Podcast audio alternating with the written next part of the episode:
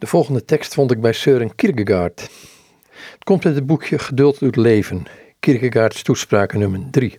En het is een opbouwende toespraak. En de titel van deze toespraak is Geduld in verwachting.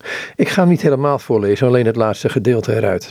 Daarin schrijft Kierkegaard: Veel klagen de mensen erover dat het leven zo armzalig is, dat het bestaan in al zijn heerlijkheid zo machteloos is, dat het de ziel te vergeefs wil vangen met verrassing of haar wil boeien door bewondering. Want niets te bewonderen is de hoogste wijsheid en niets te verwachten is de hoogste waarheid.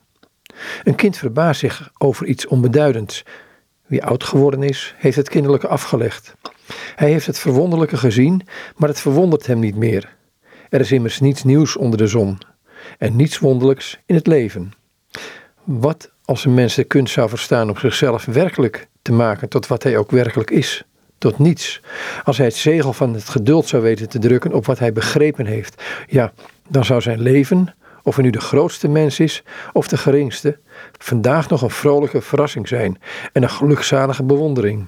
En dat zou het alle dagen zijn, want er is maar één die werkelijk het eeuwig voorwerp van die bewondering kan zijn, en dat is God. En er is er maar één die in staat is om de bewondering te belemmeren, dat is de mens wanneer er zelf iets zijn wil. Aldus Kierkegaard, het laatste stukje uit zijn opbouwende toespraak Geduld in Verwachting, komt uit het boekje Geduld doet leven. Een uitgave van Buiten en Schipperheijn Motief in Amsterdam.